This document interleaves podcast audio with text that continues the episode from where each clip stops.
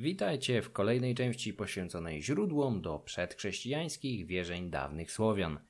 Dzisiaj, zgodnie z obietnicą, poświęcę czas relacjom spisanym głównie przez duchownych chrześcijaństwa zachodniego i wschodniego, piszących po łacinie oraz w języku starocerkiewnosłowiańskim wschodnim. Źródła w tych językach są tak naprawdę głównym materiałem, jakim dysponujemy i to na nie powołuje się najczęściej. Bez powieści minionych lat Nestora, kroniki Titmara, żywotów Ottona z Bambergu, pisanych przez Ebona i Herborda, czy Gesta Danorum z Saksogramatyka, nasza wiedza o religii dawnej słowiańszczyzny byłaby jeszcze skromniejsza, aniżeli jest w tej chwili. W międzyczasie zapraszam do oceniania podcastu na Apple Podcasts, komentowania na YouTube oraz wspierania mojej inicjatywy na Patronite. Link w opisie.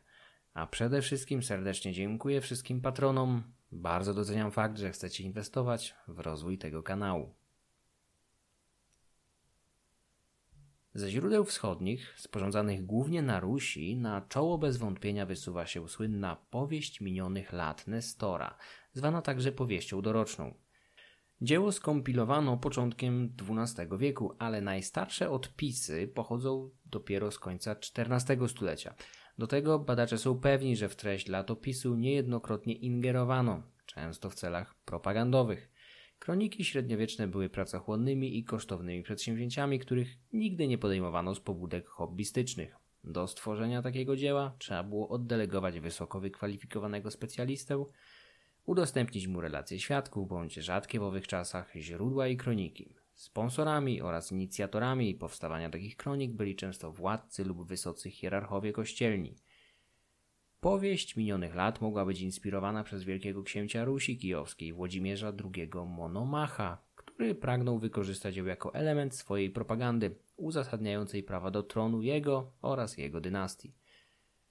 Kolejne zmiany w latopisie mógł zlecać również jego syn i następca, Mścisław. Nie było to niczym niezwykłym. Powstanie kroniki Galla Anonima było inspirowane przez jego protektora, Bolesława Krzywoustego, który za wszelką cenę pragnął przedstawić się w jak najlepszym świetle, porównując się z wyidealizowanym przodkiem Bolesławem Chrobrym. W Danii z kolei gesta danorum, czyli czyny Duńczyków, była odgórnie zlecona przez potężnego biskupa Roskilde, Absalona, jednego z głównych inicjatorów podboju i chrystianizacji pogańskiej Rugi w latach 60. XII wieku. Latopis Nestora, nawet pomimo kontrowersji spowijających jego powstanie i autentyczność, jest bezcennym źródłem umożliwiającym zgłębianie pierwszych wieków Rusi Kijowskiej oraz wierzeń przedchrześcijańskich Słowian, które w czasach latopisarza bądź latopisarzy tworzących kronikę, bo mogło być ich kilku, Nikon, Nestor, może jeszcze kilku wcześniejszych, Wierzenia te były już od dawna zepchnięte do podziemia. Nestor opowiada o genezie Rusi, prowadząc nas przez bajeczne podania sięgające od czasów biblijnych aż do wczesnego średniowiecza. Pracowity kronikarz zapisał postanowienia kolejnych traktatów handlowych pomiędzy Rusią i Konstantynopolem, dzięki którym wiemy, że strona ruska najczęściej przysięgała na Peruna lub Welesa. Ten pierwszy Bóg stał się z czasem głową sześcioosobowego panteonu stworzonego przez Włodzimierza Wielkiego na kijowskim wzgórzu zamkowym oraz podobnego, ale składającego się jedynie z Welesa i Peruna w Nowogrodzie w latach 80. X wieku. Oficjalne panteony nie przetrwają jednak długo i już po ośmiu latach latopisarz opowie nam o dramatycznej chrystianizacji Rusi połączonej z obalaniem posągów dawnych bogów którym składano ofiary z ludzi, o czym przekonać ma nas tragiczna historia dwóch waregów zabitych przez tłum pogan podjudzonych przez miejscowych kapłanów. Liczne reakcje ludowe organizowane pod przywództwem przedstawicieli dawnych bogów, tzw. Tak wołchwów, będą przewijały się szczególnie przez część poświęconą latom 60. i 70. XI wieku. Powieść minionych lat zawiera też bardzo cenny odpis dawnej greckiej kroniki Jana Malalasa z komentarzem bułgarskiego kopisty, dzięki któremu dowiadujemy się o istnieniu Swaroga oraz jego syna Daćboga wraz z ich kompetencjami. Ich historia była kanwą odcinku o bóstwach ognia i słońca. Pośród najczęściej cytowanych źródeł ruskich nie może zabraknąć słowa o wyprawie Igora – zabytku literatury staroruskiej datowanego przez większość badaczy na koniec XII wieku. Ten krótki utwór zawiera literackie odniesienia do kilku bóstw, m.in. Horsa, Dać Boga i Trojana oraz wilkołaków i demonicznych diwów pojawiających się w różnych momentach utworu w postaci zwiastunów klęski ruskiej wyprawy przeprowadzonej w 1186 roku przez kniazia Igora przeciwko koczowniczym połowcom. O kontrowersjach wokół datowania słowa o wyprawie Igora wspominałem w jednym z poprzednich odcinków. Generalnie większość badaczy traktuje to źródło jako autentyk.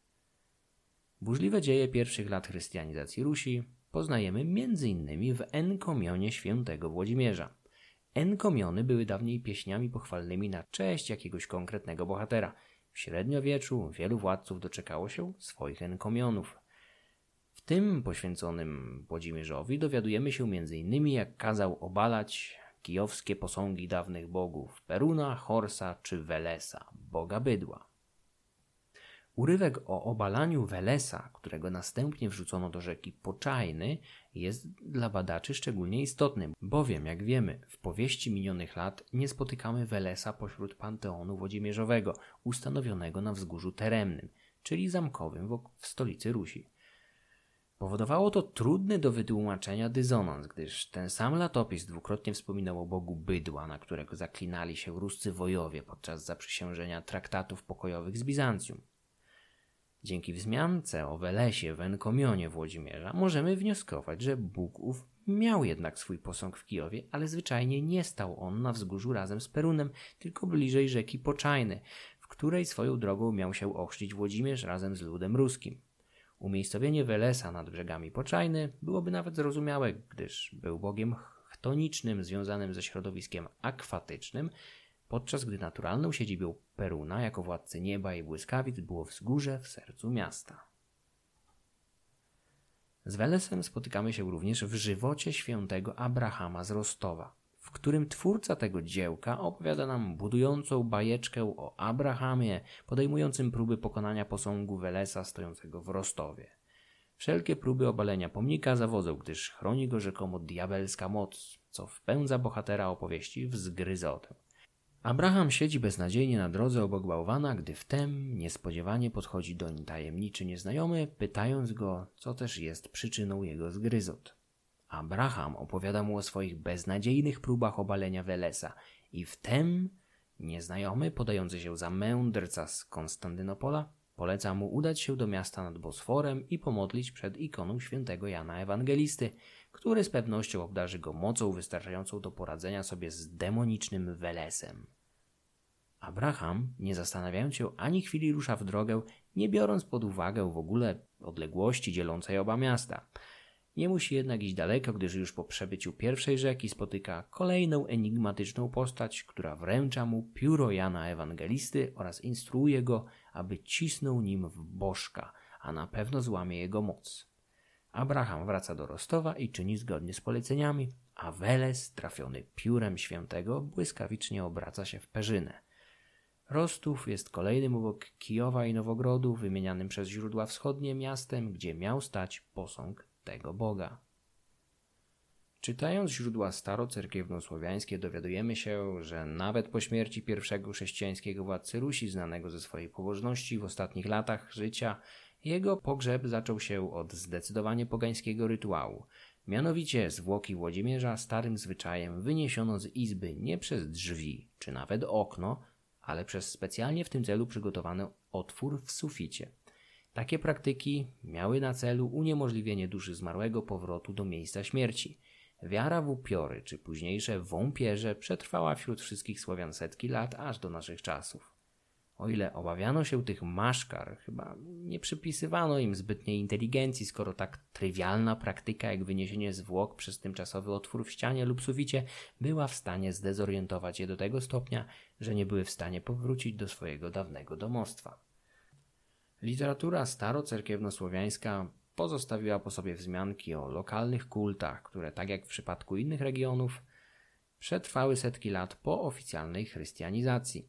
Szczególnie pomocne jest tutaj kazanie tzw. Tak Chrystolubca, który wymienia większość bóstw wspomnianych wcześniej przez powieść minionych lat, dodatkowo wspominając o bardzo popularnych wiłach.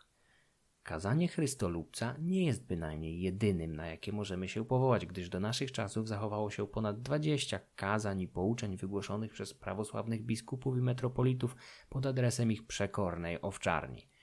Członkowie tej ostatniej w żadnym wypadku nie chcieli zrezygnować z uczestnictwa w pogańskich zwyczajach i zabawach. Bezustannie dokarmiali swoje domowiki, a na ołtarzach starali się poświęcić kutieł – Podobnie jak w literaturze greckiej, również tutaj często pojawia się krytyka dzikich i niekontrolowanych zabaw podczas rusaliów. Największą grupę relacji źródłowych przekazali nam autorzy tworzący w łacinie. Pierwszym łacińskim źródłem, które warto wspomnieć, jest napisany w VIII wieku list świętego Bonifacego adresowany do króla Mercji Etelbalda – którym misjonarz znany z okupionej męczeństwem działalności pośród Sasów w niezbyt wyszukany sposób opisuje Wędów, czyli Słowian zachodnich zamieszkujących nad Bałtykiem.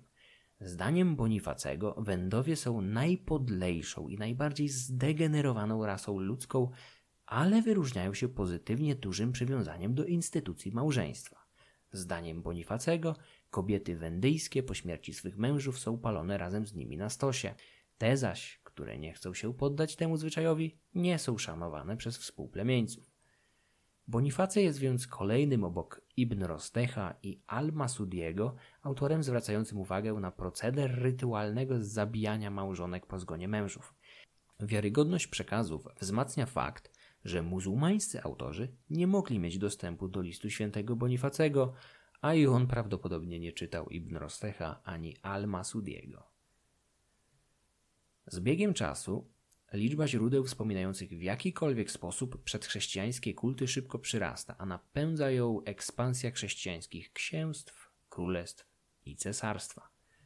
Ekspansja ta miała charakter zbrojny, a chęć chrystianizacji była tutaj jak zwykle w takich przedsięwzięciach jedynie subtelnym płaszczykiem dla bardziej przyziemnych interesów. Widukind z w swoich dziejach Saksonii często wspominał o wyprawach saskich książąt i margrabiów podejmowanych w pierwszej połowie X wieku przeciwko tzw. Tak barbarzyńcom, jak zazwyczaj określa Słowian ten benedyktyński mnich. Dzieło saskiego kronikarza jest dość chaotyczne, pełne wyolbrzymień oraz bajecznych historyjek tak popularnych w dziełach tłumaczących etnogenezę większości ludów północnej, zachodniej i wschodniej Europy – zawstydzonych swoim statutem parweniuszy, pozbawionych spisanej historii mogącej choćby nieśmiało konkurować z tą posiadaną przez Greków i Rzymian. Poczucie niższości wobec kultury śródziemnomorskiej kazało średniowiecznym kronikarzom takim jak Widukind z Corbei, Gal Anonim czy Wincenty Kadłubek sięgać do wyimaginowanej przeszłości, w której przodkowie Mieszka bili Juliusza Cezara i Aleksandra Macedońskiego. Wracając jednak do Widukinda z Corbei, którego dzieło jest lizusowskim panegirykiem dla ówczesnej dynastii panującej, czego zresztą autor wcale nie ukrywa, to wśród opisów kolejnych saskich kampanii przeciwko barbarzyńcom zamieścił on wzmiankę o kolejnym zdobytym grodzie, w którym zwycięzcy zdobyli na poganach liczne łupy, w tym odlany z metalu posąg niejakiego Saturna. Jest to jedna z tych informacji, które wzbudzają więcej pytań niż odpowiedzi. Czy był to antyczny posąg rzymskiego boga zdobyty jakoś przez Słowian i czczony przez nich jako jeden z ich rodzimych bogów? Czy też była to figura jakiegoś lokalnego bożka o nieznanym imieniu, którego kronikarz z braku lepszego zamiennika ochrzcił imieniem rzymskiego boga? Na to pytanie prawdopodobnie nigdy nie znajdziemy już odpowiedzi. Pośród licznych drobnych, wręcz symbolicznych zmianek o dawnych kultach trafiają się prawdziwe skarby, takie jak kronika Titmara – bezcenne źródło, bez którego nasza wiedza nie tylko o cesarstwie, z którego wywodził się merseburski biskup, ale także o samej Polsce byłaby znacznie uboższa. Titmar kilkukrotnie wspomina o pogańskich kultach, najwięcej miejsca poświęcając związkowi plemiennemu tzw. Tak luciców, znanym również jako Wieleci. Jednym z wieleckich plemion byli Redarowie, których stolicą była słynna i do dzisiaj niezidentyfikowana Radogoszcz Retra. Wielecka świątynia w Radogoszczy, poświęcona Swarożycowi, jawi się nam w malowniczym i szczegółowym opisie Titmara, który nie pominął nawet takiego faktu jak postawienie jej na ofiarach zakładzinowych z kości i rogów dzikich zwierząt, być może turów lub koni. Relacja biskupa merseburskiego jest najwiarygodniejszą i najobszerniejszą, jaką dysponujemy o Radogoszczy oraz całym państwie redarów z tego okresu. Autor słynnej kroniki był zdeklarowanym krytykiem polskiego księcia Bolesława Chrobrego, którego nieustannie mieszał z błotem na kartach swojego utworu przy każdej możliwej sposobności. Titmar nie był w stanie wybaczyć energicznemu Bolesławowi jego ambicji, nieustępliwości, przebiegłości, ale także wiarołomności. Trzeba jednak zauważyć, że nie tylko niemieccy kronikarze z tamtych czasów przedstawiali w złym świetle księcia, który miał się finalnie stać pierwszym królem Polski. Czeski kosmas również szczerze nie znosił Bolesława, a ruscy latopisarze nie mogli mu wybaczyć zajęcia i splądrowania stolicy Rusi w 1015 roku. Dietmar kilkukrotnie wspomina o zwyczajach wojennych Słowian połapskich, zwracając uwagę na krwawe ofiary z ludzi składane tak w Radogoszczy, jak pod stanicami, czyli sztandarami ich bogów, pod jakimi maszerowali do walki, niejednokrotnie w charakterze sprzymierzeńców chrześcijańskich władców. W kronice dwukrotnie dowiadujemy się, że pogańscy wieleci walczyli ramię w ramię z chrześcijańskimi Czechami i Niemcami przeciwko wojom Mieszka, a następnie Bolesława. Po zdobyciu jednego z grodów Mieszka złożyli nawet swoim bogom ofiarę z dowódcy garnizonu. O tym krwawym procederze wspominał również inny chrześcijański duchowny z tamtego okresu, Bruno z Kwerfurtu, otwarcie krytykujący alians cesarza Henryka II z wojowniczymi wieletami, wymierzony w chrześcijańskiego księcia Polan Bolesława. Łacińscy duchowni dostarczają nam informacji przede wszystkim o Słowianach połapskich oraz Pomorzanach. Kopalnią wiedzy o obu grupach jest Kronika Słowian niemieckiego proboszcza Helmolda z Bozowa, który żył pośród słowiańskiej owczarni przez wiele lat, a pomimo, że był z pochodzenia Sasem, przyswoił sobie język Słowian w stopniu pozwalającym ich zrozumienie. Helmold potępiał pogańskie praktyki, ale wielokrotnie przyznawał, że przyczyną większości zrywów podbitej ludności nie jest samo chrześcijaństwo, lecz chciwość i bezmyślne okrucieństwo saskich wielmożów traktujących Słowian połapskich niczym podludzi. Zdaniem Helmolda, gdyby nie rugowanie miejscowych Słowian i przesadne obciążenia fiskalne, zwłaszcza dziesięciny, można by z pewnością uniknąć licznych powstań pociągających za sobą tysiące ofiar i cofnięcie samej akcji misyjnej. Podobnego zdania był zresztą również Titmar, który pomimo swej niechęci i nieskrywanego uczucia wyższości wobec Słowian przyznawał niejednokrotnie, że to sascy wielmoże swoim brakiem wyobraźni są odpowiedzialni choćby za sprowokowanie krwawego zrywu z 983 roku, który wyrwał z granic cesarstwa sporą część Połabia, którą udało się z powrotem podbić dopiero w ciągu kolejnych 200 lat.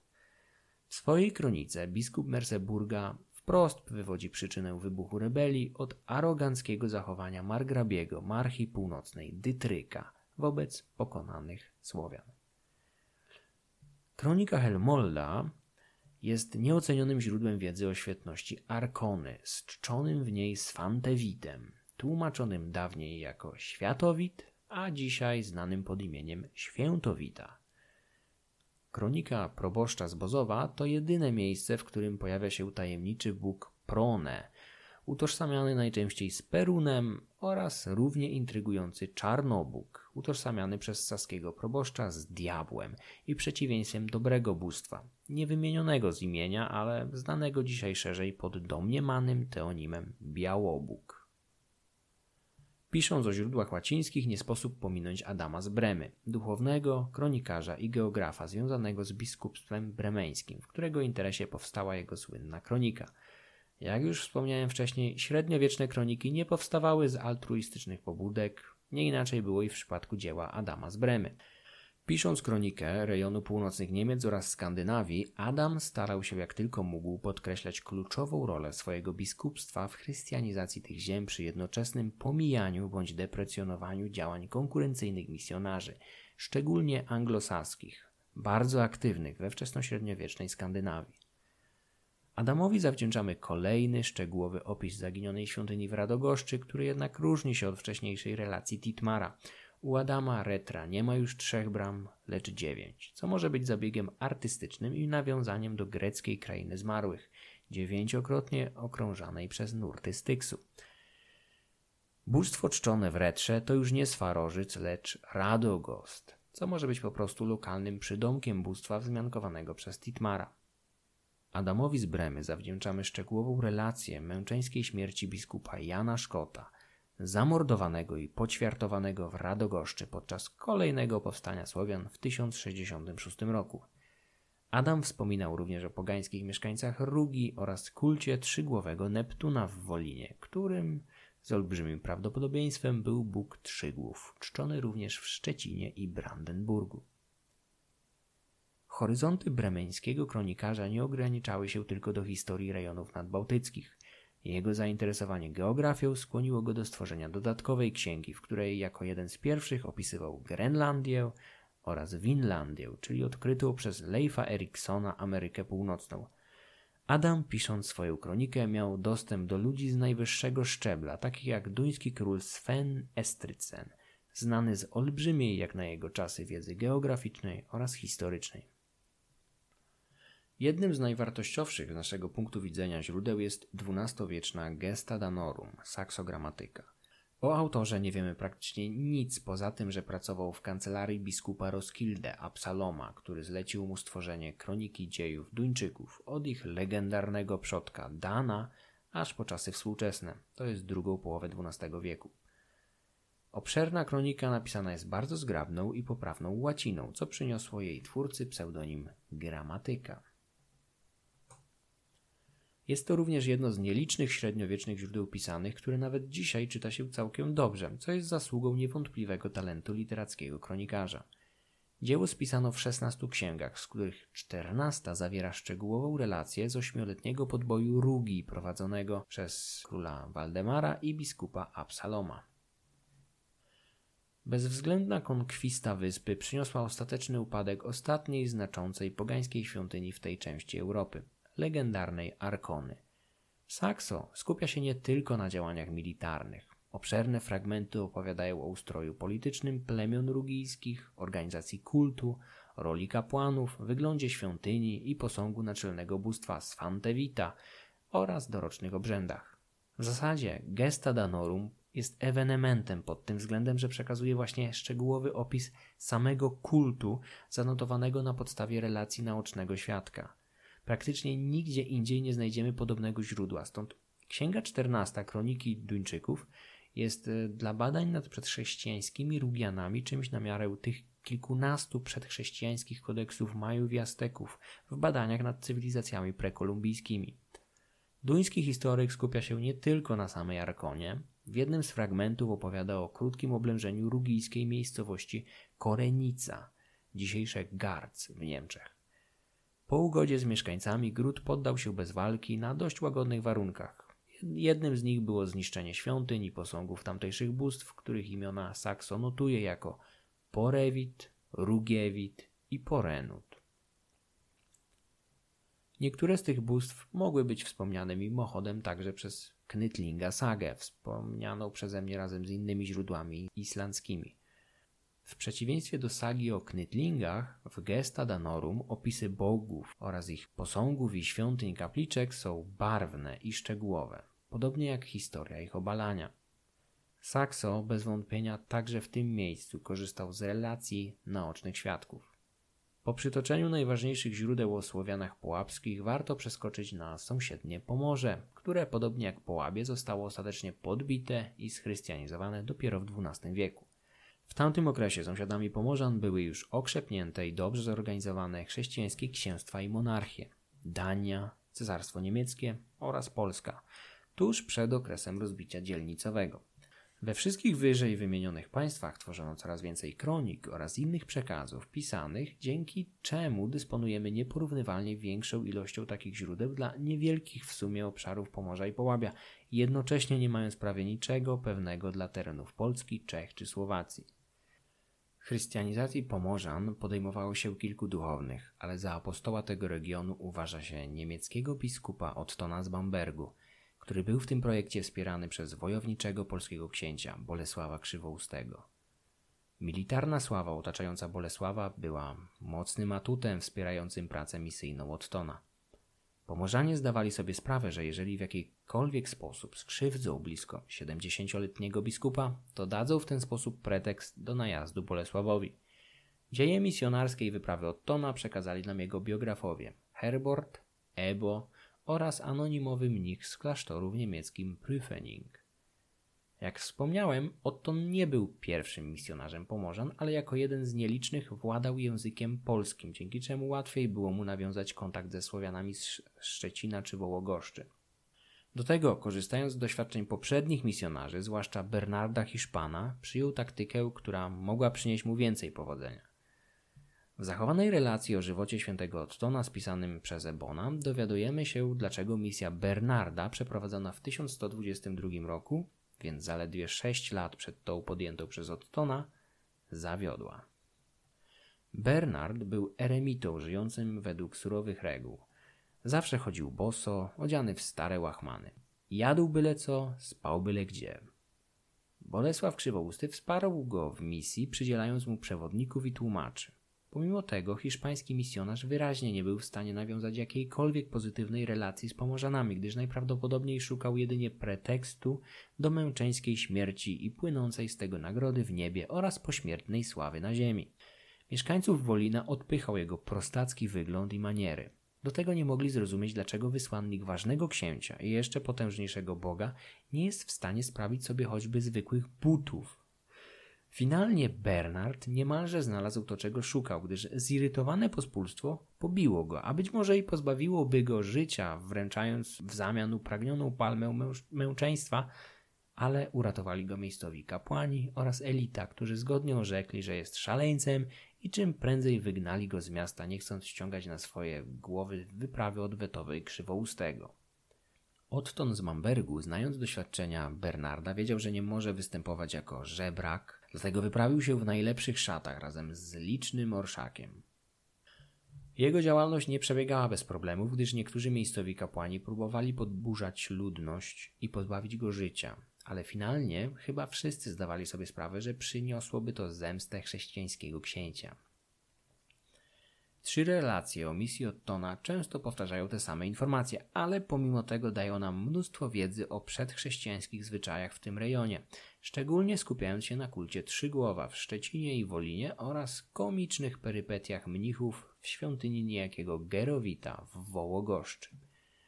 Gerowit mógł być w rzeczywistości Jarowitem. Jak czytamy u Herborda, miejscowi kapłani, widząc przybywających wysłanników od Tona, podburzyli motłoch, zmuszając mnichów do ucieczki. Jeden z nich, imieniem Dytryk, w panice schronił się w świątyni Gerowita, z której porwał tarczę bóstwa i tak uzbrojony wybiegł z przybytku. Pomylony przez Słowian z ich Bogiem, wywołał panikę i zdołał uciec nietknięty przez tłum. Żywoty Ottona zawierają chyba jako jedyne informacje o barwie stroju kapłanów, którzy mieli przywdziewać śnieżno-białe stroje. W żadnym innym źródle nie spotkałem się z wzmianką mówiącą o barwie bądź zdobieniach strojów kapłanów. Trzeba więc brać pod uwagę, że oglądając dzisiejsze tzw. Tak rekonstrukcje obrzędów przedchrześcijańskich, nie widzimy autentycznych rekonstrukcji, ale jedynie interpretacji, gdyż dane są zbyt szczątkowe. Wiemy co prawda, że kapłani świętowita, w przeciwieństwie do szeregowych mieszkańców Arkony, mieli długie włosy i brody, a kapłani na Pomorzu nosili białe stroje. I to praktycznie tyle. Żywoty Ottona z Bambergu były wykorzystywane przeze mnie szerzej w odcinku o Trzygłowie. Dla zainteresowanych kultem Pomorzan to praktycznie jedne z najważniejszych źródeł. Powyżej przytoczyłem jedynie najważniejsze źródła pisane. Oprócz wyżej wymienionych dysponujemy jeszcze kilkudziesięcioma pojedynczymi listami, kazaniami bądź zwyczajnymi wzmiankami pobocznymi w tekstach poświęconych innym zagadnieniom, które każde z osobna i wszystkie razem dodatkowo powiększają naszą wiedzę o przedchrześcijańskich wierzeniach dawnych Słowian. Większość wyżej wymienionych materiałów jest dostępna po polsku w różnych wydaniach drukowanych bądź za darmo w internecie. Wyjątkiem jest dzieło Adama z Bremy, które w całości nie zostało jeszcze wydane po polsku, ale w sieci krążą istotne fragmenty cytowane też często w książkach specjalistów. Problemem ze źródłami, szczególnie tymi mniej znanymi, jest to, że są rozrzucone po licznych pojedynczych książkach bądź stronach internetowych. Stąd tak wartościową pomocą naukową jest Sources of Slavic Pre-Christian Religion, przygotowana przez hiszpańskich badaczy, a wydana przez niderlandzkie wydawnictwo Brill w zeszłym roku. Całość po angielsku. Zastanawia mnie tylko, dlaczego czegoś podobnego nie opublikowano w Polsce, tylko na Półwyspie Iberyjskim. Zamiast zalewać nieco przesycony moim zdaniem rynek kolejnymi książkami podsumowującymi 200 lat badań nad religią Słowian, wypadałoby wydać podobną pracę po polsku i dać ludziom zainteresowanym tym tematem bezpośredni dostęp do wszystkich źródeł, z jakimś oczywiście naukowym komentarzem. Do źródeł pisanych nie można podchodzić bezkrytycznie. Aby to lepiej unaocznić, przytoczę tutaj jako ciekawostkę pewną historię zanotowaną przez Widukinda z w jego Dziejach Saksonii.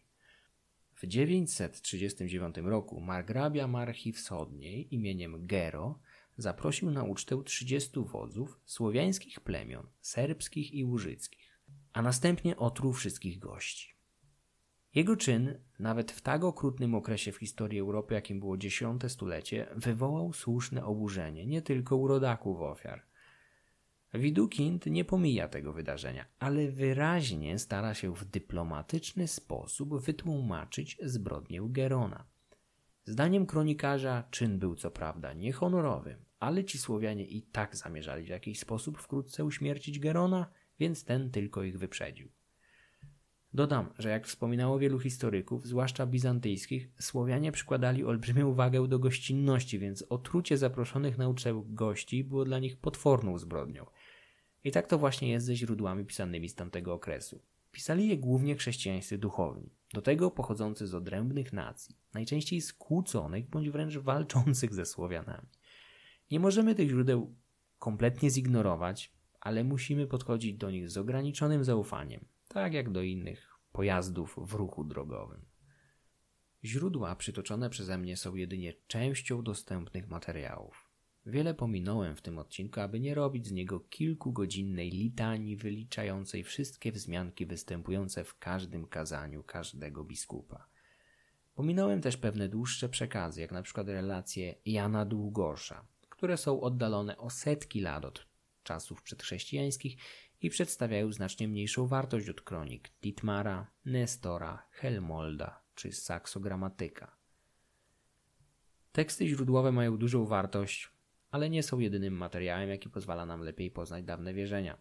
W przypadku przedchrześcijańskiej słowiańszczyzny przekazów tego typu jest po prostu mało, a co gorsza, niemal na pewno nie będzie ich już więcej jest bardzo mało prawdopodobne, abyśmy odnaleźli kolejne wiarygodne źródła z okresu wczesnego średniowiecza, a jeżeli już, to prędzej na Bliskim Wschodzie, w jakimś zakurzonym archiwum zapomnianego muzeum, którego nie zdążyli wysadzić w powietrze zaczadzeni fanatycy z jakiegoś ISIS, ani zrabować konkwistadorzy XXI wieku z amerykańskich wojsk okupacyjnych. Badania etnograficzne z kolei, będące jednym z fundamentów dających nadzieję na wyciągnięcie jakichś przeżytków dawnych wierzeń skamieniałych w zwyczajach jeszcze w XIX i XX wieku, też nie przedstawiają dobrych perspektyw na przyszłość. W Europie nie ma już właściwie społeczeństw takich jak jeszcze 100 lat temu. Teraz wszyscy są podpięci do globalnej sieci, która kształtuje ich myśli, zwyczaje i światopogląd. Pomimo tego jest nadzieja szczególnie w archeologii. W przeciwieństwie do tekstów źródłowych, materiał archeologiczny przyrasta z roku na rok i głównym problemem jest jego katalogowanie, poprawna interpretacja i publikowanie wyników. Pomocą służy również technologia, dzięki której możemy w sposób dokładniejszy i mniej inwazyjny poznawać relikty przeszłości, nie niszcząc ich po drodze, jak w przypadku kilku warstw nieszczęsnej Troi Heinricha Schliemana. Wiele obiecujących stanowisk w różnych krajach nie zostało jeszcze przebadanych z powodu braku środków, a na pewno pojawią się kolejne. Przyszłość w badaniu życia, a przy okazji może i wierzeń dawnych Słowian leży w archeologii i jej naukach pomocniczych. Chciałbym z całego serca podziękować wszystkim patronom tego podcastu, dzięki którym powstaje więcej dłuższych odcinków. Szczególnie zaś patronkom w randze Peruna i Welesa, Adzie i Agnieszce przygotowaniu tego odcinka szczególnie pomocna była następująca książka. Sources of Slavic Pre-Christian Religion. Praca zbiorowa pod redakcją Juana Antonio Alvareza Pedrozy.